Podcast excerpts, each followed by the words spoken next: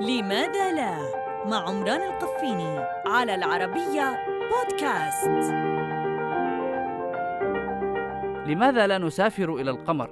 حتى الساعة هناك من يشكك بأن الإنسان هبط على سطح القمر. ما لنا وما للمشككين؟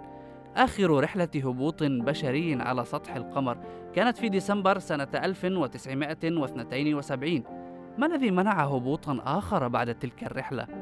تبلغ كلفة الرحلة إلى القمر الكثير من المال إضافة إلى وعورة سطحه وخطورة النيازك التي تضربه والإشعاعات الكونية الضارة التي تجعل الدول تعد للعشرة قبل التفكير بمشروع كان يوما ما مسرحا للسباق بين الاتحاد السوفيتي والولايات المتحدة.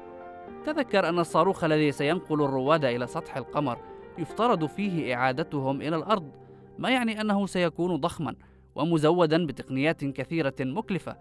كما أن هناك تحديا آخر هو هبوط مركبة مأهولة على سطح القمر دون أن ترتطم فيه بسبب جاذبيته. السؤال لماذا نسافر إلى القمر وقد أصبحنا نرسل روبوتات تأتينا بصخوره وترابه؟